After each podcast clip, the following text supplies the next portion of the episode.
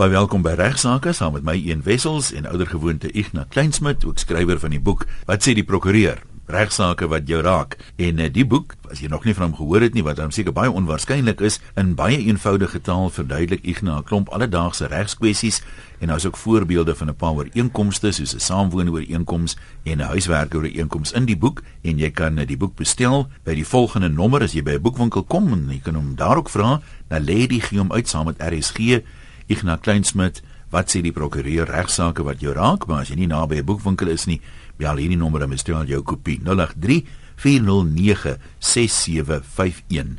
083 409 6751.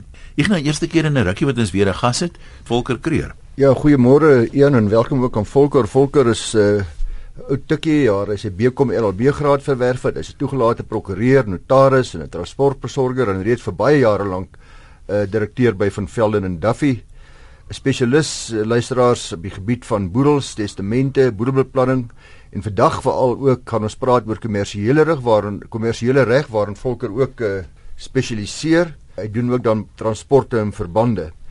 Nou ons praat maar oor koopkontrakte van grond, besighede, ander kommersiële sake. Ons kyk nou 'n klomp goed vandag wat tot die ongeldigheid van koopkontrakte kan aanleiding gee. Ek is seker uh, die luisteraars is uh, nie bewus van baie van hierdie probleme wat 'n mens kan ondervind nie. Ons praat ook oor handelsbeperkings, uh, opskortende voorwaardes, watter ondernemingsvorm mens moet gebruik as jy dalk nou 'n uh, besigheid wil begin. Uh, dalk kan ons uitkom by roukoopbepalings vandag nog, ek weet nie. Dis so 'n mooi woord, roukoop. Roukoop, dis reg. Ja. Ag en ons gaan uh, oor BTW 'n bietjie gesels, sommer alles en nog wat wat die kommersiële uh, reg betref. So volker baie welkom hier by ons.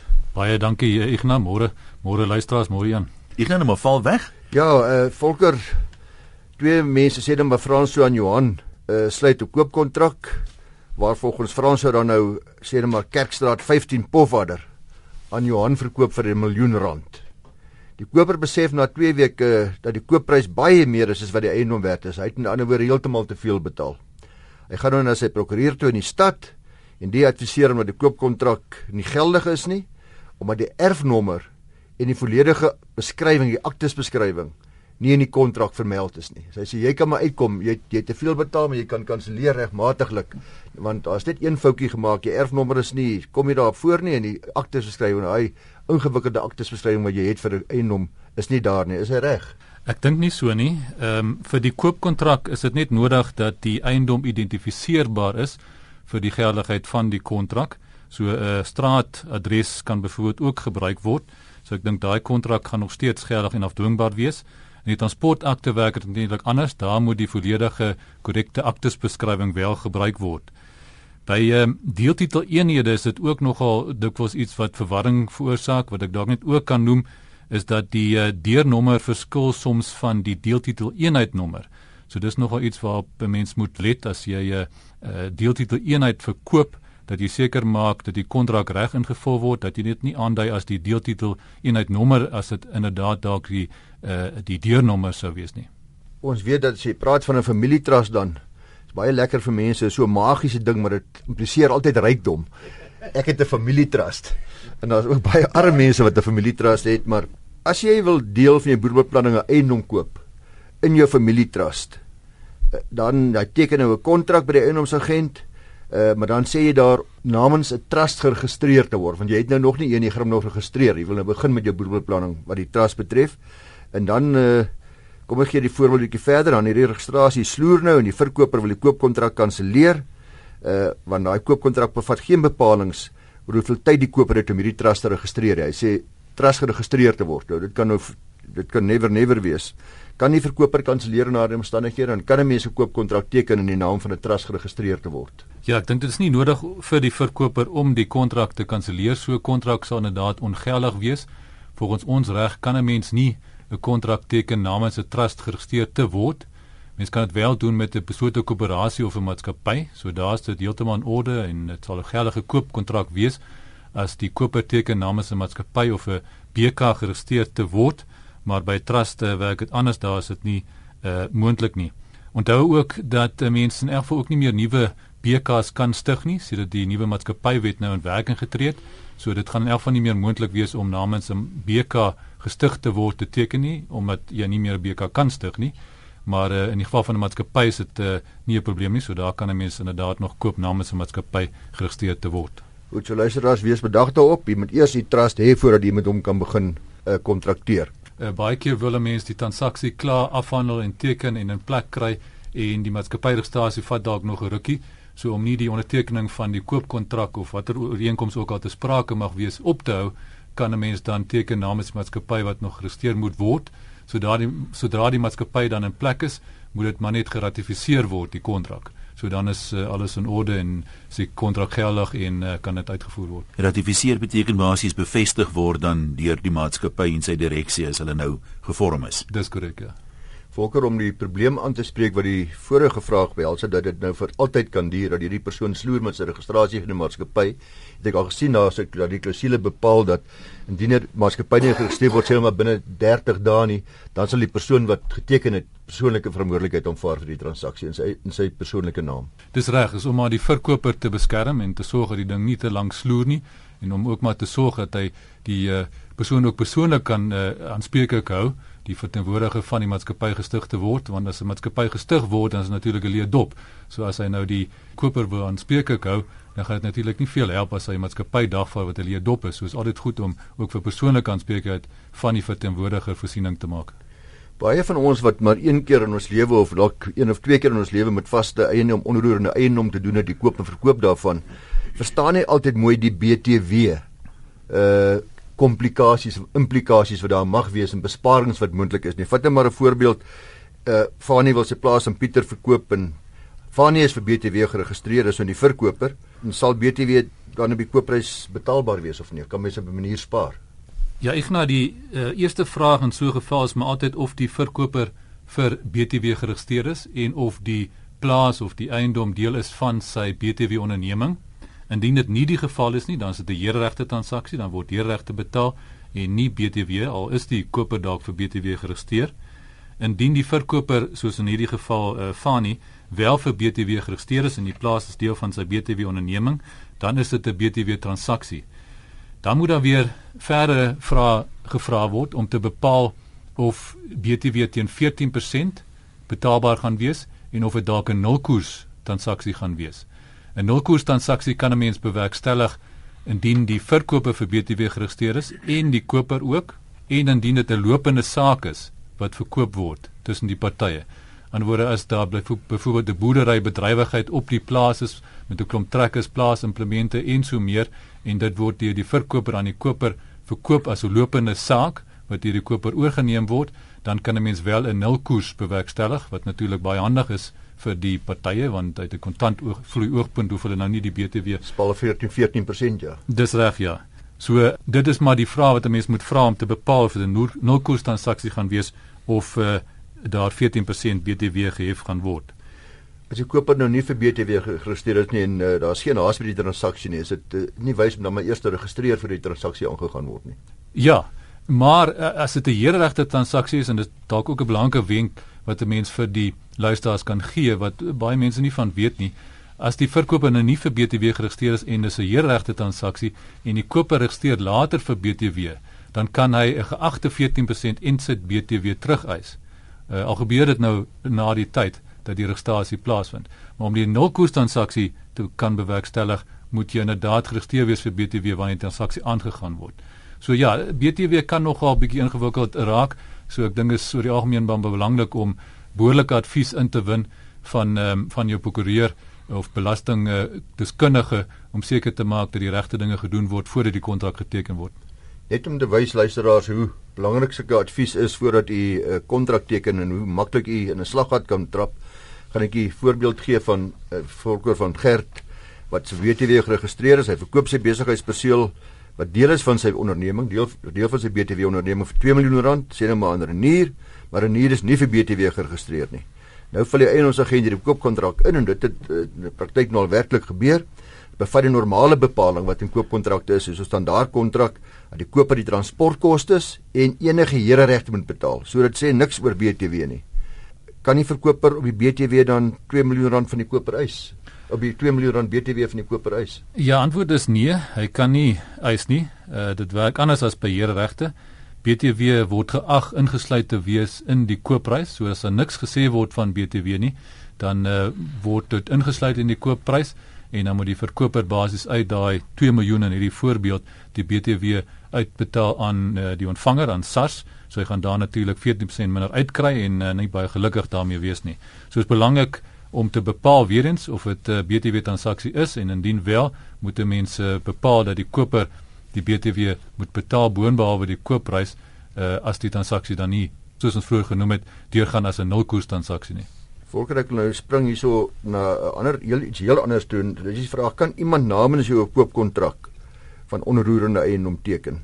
Anderswoorde ek sit in die buiteland byvoorbeeld en ek wil graag 'n uh, uh, uh, Rustenburg ietsie uh, huis koop en kan ek my vrou kan my vrou dit namens my teken of enigiemand my vernoot? Dis uh, wel in orde, maar daar moet 'n skriftelike volmag in plek uh, wees wanneer die ondertekening plaasvind.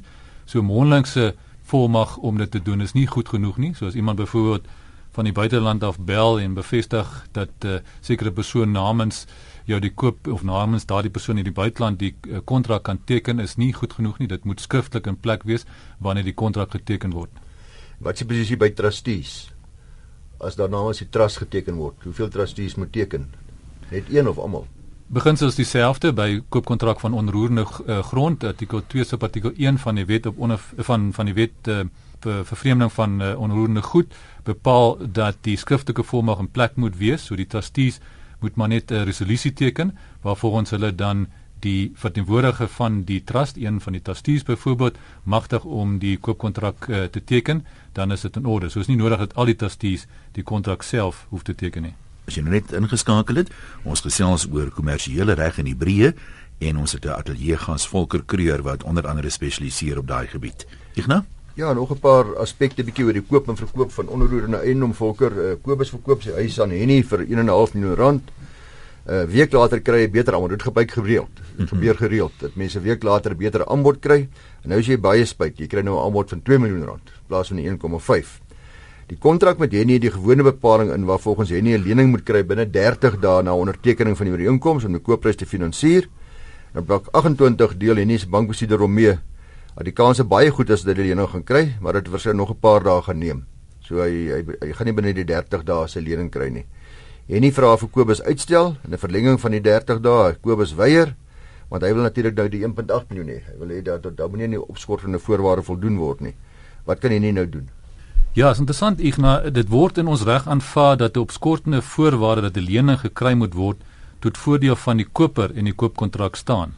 En die gevolg daarvan is dat die koper dus ook daarvan kan afstand doen van daardie voordeel om op die opskortende voorwaarde staat te maak.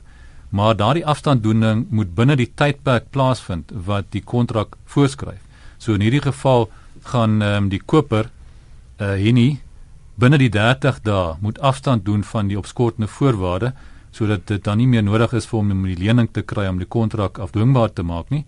Hy moet dan natuurlik net 'n plan maak om uh, die lening betyds in plek te kry nog steeds te presteer volgens die kontrak. Gewoonlik staan in die kontrak dat die waarborge binne 'n sekere tydperk na verstryking van die opskortende voorwaarde tydperk gelewer moet word.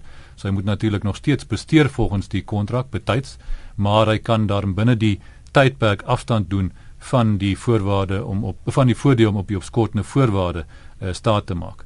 So dis dalk 'n belangrike uh, ietsie wat 'n mens kan onthou as jy as koper nie betyds jou lening kan kry nie, kan jy inderdaad afstand doen sodat die kontrak nog steeds afgedwing kan word en dan kan die verkoper nie uit die kontrak kom nie. Ek het onlangs 'n geval gehad volker waar iemand vir my kom advies vra het uh, op dieselfde basis dat hy 'n beter koper het en graag uit die kontrak wil tree en hy het gesê maar hy het dalk 'n gaping want daar's nie geen getuies geteken nie, net die koper en die verkoper het geteken. Ja, uh, vir die vervreemding van grond is uh, dit nie vereis dat 'n getuies moet uh, teken nie. Is anders as uh, byvoorbeeld 'n testament wat net geldig is as die testament geteken word in die teenwoordigheid van twee getuies wat dit ook uh, moet teken.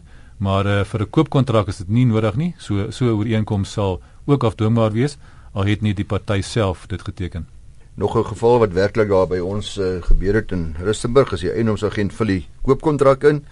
Koper en verkoper kan nie ooreenkom op die okupasie datum en die okupasie hier nie, wat presies wanneer hy gaan intrek nie. En hulle besluit dat dit veral by uh, so belang is om maar intussen die ooreenkoms te voltooi en te teken. Uh, twee weke later kry die koper ander eiendom waarvan hy baie meer hou. In weer 'n geval van hy wil uit die eerste koopkontrak tree en die vraag is kan hy. Maar daar is nou nog niks gesê oor okupasie hier en okupasie datum nie. Ja, volgens ons reg moet al die wesenlike terme in die kontrak vervat uh, wees om dit geldig en afdwingbaar te maak en ek dink dat hierdie voorbeeld is dit duidelik dat die okupasie historie wesenlike term van die ooreenkoms was. So ek sou sê dat so 'n ooreenkoms uh, nie geldig is nie. Daar's uh, inderdaad 'n hofsaak wat met soortgelyke feite handel waar die partye ook die okupasie historie uitgelos het en dit later sou byvoeg by die kontrak en die hof het toe gesê dat so 'n ooreenkoms nie afdwingbaar is nie. Nog iets wat baie gereeld gebeur. Daar word 'n aanbod geteken vir 'n eiendom by die eiendomsagent sê vat die kontrak na die ander party toe. Die verkoper is tevrede met die aanbod en hy teken dit, maar hy wil een klein wysiging aanbring. Uh sê net maar byvoorbeeld hy wil die betaling van die koopprys wil hy verminder van 45 dae na 30 dae toe. Nou maak hy dit so en hy teken hy parafeer ook daarbey. Is hierdie kontrak nou geldig? Ja, kontrak kom in ons reg deur 'n aanbod en 'n aanname van daardie aanbod tot stand. Nou in hierdie geval het die party nie die aanbod aanvaar nie wat aanvanklik gemaak is nie. Die verkoper het inderdaad die kontrak verander en dit eh, stel dan 'n teenaanbod daar wat weer aanvaar moet word deur die koper. So die koper sal weer moet teken omdat daai wysiging aangebring uh, is. So dit is inderdaad nie 'n geldige kontrak nie. En soos jy self gesê het, dit gebeur regtig nogal baie dat daardie fout gemaak word, dat daar klein wysigings aangebring word en dit maak dan eintlik die kontrak ongeldig as die ander party nie weer teken nie. So dit geld volker vir enige wysiging hoe minimaal dit nou ook al mag wees net 'n administratiewe proseduretjie soos betaal dit nie in die rekening in nie maar daai rekening enige so iets ook. Ja, nee, dit is uh, weer eens 'n stel 'n teenaanbod daar wat dan uh, weer deur die ander party ook aanvaar moet word voordat dit geldig kan wees. Luisteraars, uh, ons het al gepraat uh, jare wat gelede oor die wet op onderverdeling van landbougrond en al die kopseere wat dit veroorsaak. Uh, nou sê byvoorbeeld daar word 'n nuwe nasionale pad deur die boer se plaas gebou volker en uh, sny die plaas in twee dele. Dis nou sê maar die plaas is 400 hektaar werd en die deeltjie wat nou oorbly aan die westelike kant is nou net 10 hektaar groot. Die boere te koper wat hierdie 10 hektaar by hom wil koop. Uh die vraag is kan hy dit afsny? Dit lê nou aan die ander kant van die pad. Kan hulle nou koopkontrak aangaan wat onderhewig is in die afsny van hierdie 10 hektaar?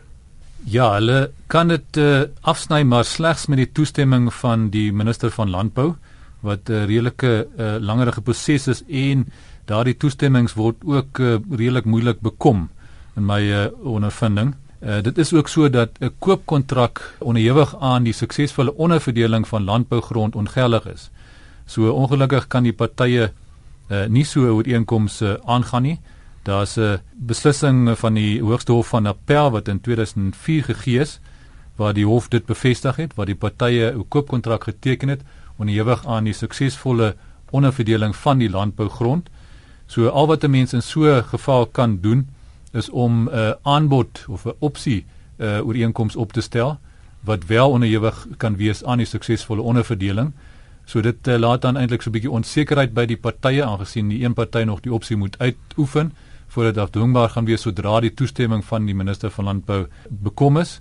So dit is die enigste oplossing wat 'n mens in daai scenario kan gee. So om die vraag te antwoord ehm um, Hulle kan die 10 hektaar wel afsny, maar slegs met toestemming van die minister wat 'n langerige proses is en wat moeilik uh, verkry word. En tweedens kan hulle ongelukkig nie 'n geldige koopkontrak teken onderhewig aan die suksesvolle onderverdeling nie. Maar jy kan daai deel van die plaas seker herdoop na Klipkraal Wes toe, dan klink jy soos 'n groter boer.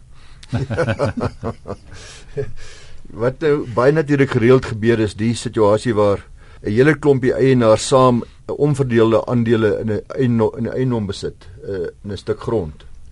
En nou kry jy dat ons kom oor een, hoor jy Ignas, jy vat daai deel van die plaas en Volker jy vat daai deel van die plaas en ek bou vir my 'n paleis en jy boer net met beeste. Geweldig gevaarlik, nê? Nee. Ja, dis 'n groot uh, kopseer en dit kom maar van die feit dat die onderverdeling van landbougrond 'n probleem is en dat 'n mens nie die toestemmings bekom nie. Want uh, mede-eienaars wil natuurlik normaalweg liewers die grond opsny sodat elkeen sy deel het en dit kan weer eens nie gedoen word sonder die uh, minister van landbou se toestemming nie. En dan tref hulle nou maar reëlings wie watter stuk grond intussen uh, gebruik en so meer. Maar dit is natuurlik 'n resep vir baie konflik. Die tweede beste prys as 'n mens nou nie die grond kan onderverdeel is nou maar om 'n uh, mede-eienaars ooreenkoms op te stel waarin 'n mens so volledig en duidelik as moontlik al die reëlings kan tref oor wie watter stuk kan gebruik en wie watter uitgawes gaan betaal uh, en so meer maar dis regtig iets uh, wat 'n mens versigtig moet hanteer en liewers behoorlik advies van 'n prokureur moet inwin om ordentlik ooreenkomste in plek te kry uh, want dit kan tot baie spanning aanleiding gee. Want die meeste van daai kontrakte is maar niks meer as 'n omseiling van die wet op onderverdeling nie en sodra dan kan die geldigheid daarvan natuurlik aangeval word op daardie basis Ja, ek dink nie uh wel as dit reg opgestel is, as ja, daar correct. dan dan dink ek is daar nie 'n probleem nie as dit nie 'n oortreding van die wet nie. Maar ja, jy kan dit nie gebruik om die wet omsou nie. So jy kan nie uh, fisies die grond probeer onderverdeel nie. Uh dit gaan definitief in stryd met die wet wees. Maar soos ek sê, ou uh, kan ten minste in die ooreenkoms uh, netjies reëlings tref oor hoe al die dinge gereël gaan word en hoe die besluite geneem word, hoe die grond bestuur word, hoe die uitgawes gedeel gaan word en so meer om uh, misverstande en dispute te verhoed. Baie van ons weet dat daar deesdae heelwat mense is wat uh, veral met stygende rentekoerse sukkel om hulle verbandspaaiemente te betaal. Uh daar's mense wat in 'n finansiële verknorsing is as gevolg van die ekonomie in ons land. En nou is daar een so eienaar van 'n huis en hy kry nou 'n koper vir 1,5 miljoen rand, maar sy uitstaande verband by die bank is meer as 1,5, sê nou maar dis 1,8 miljoen rand. Uh kan hierdie transaksie werk? Ja, ek nou een opsie is om maar met die bank te gesels en te vra vir 'n verlaagde kansellasiesyfer.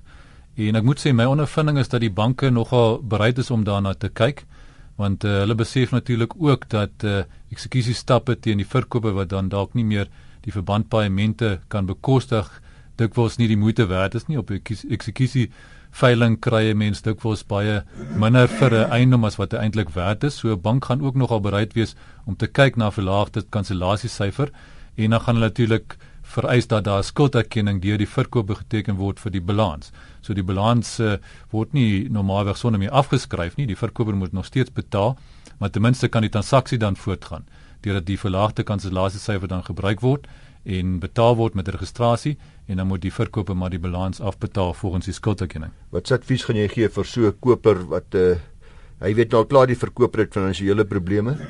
Uh en daar's 'n goeie kans dat die eiendomsbelasting ook dalk agterstallig is vir munisipale heffings. Kyk, uh, dit is nogal uh daai in daai opsig belangrik om te weet van artikel 18 uh 118 skies van die wet op plaaslike regering munisipale stelsels wat die munisipale munisipaliteite beperk uh, tot 'n 2 jaar tydperk waarvoor hulle die agterstallige munisipale rekening kan opeis met die uitklaringssertifikate wat 'n mens vir elke transport uh, moet aanvra.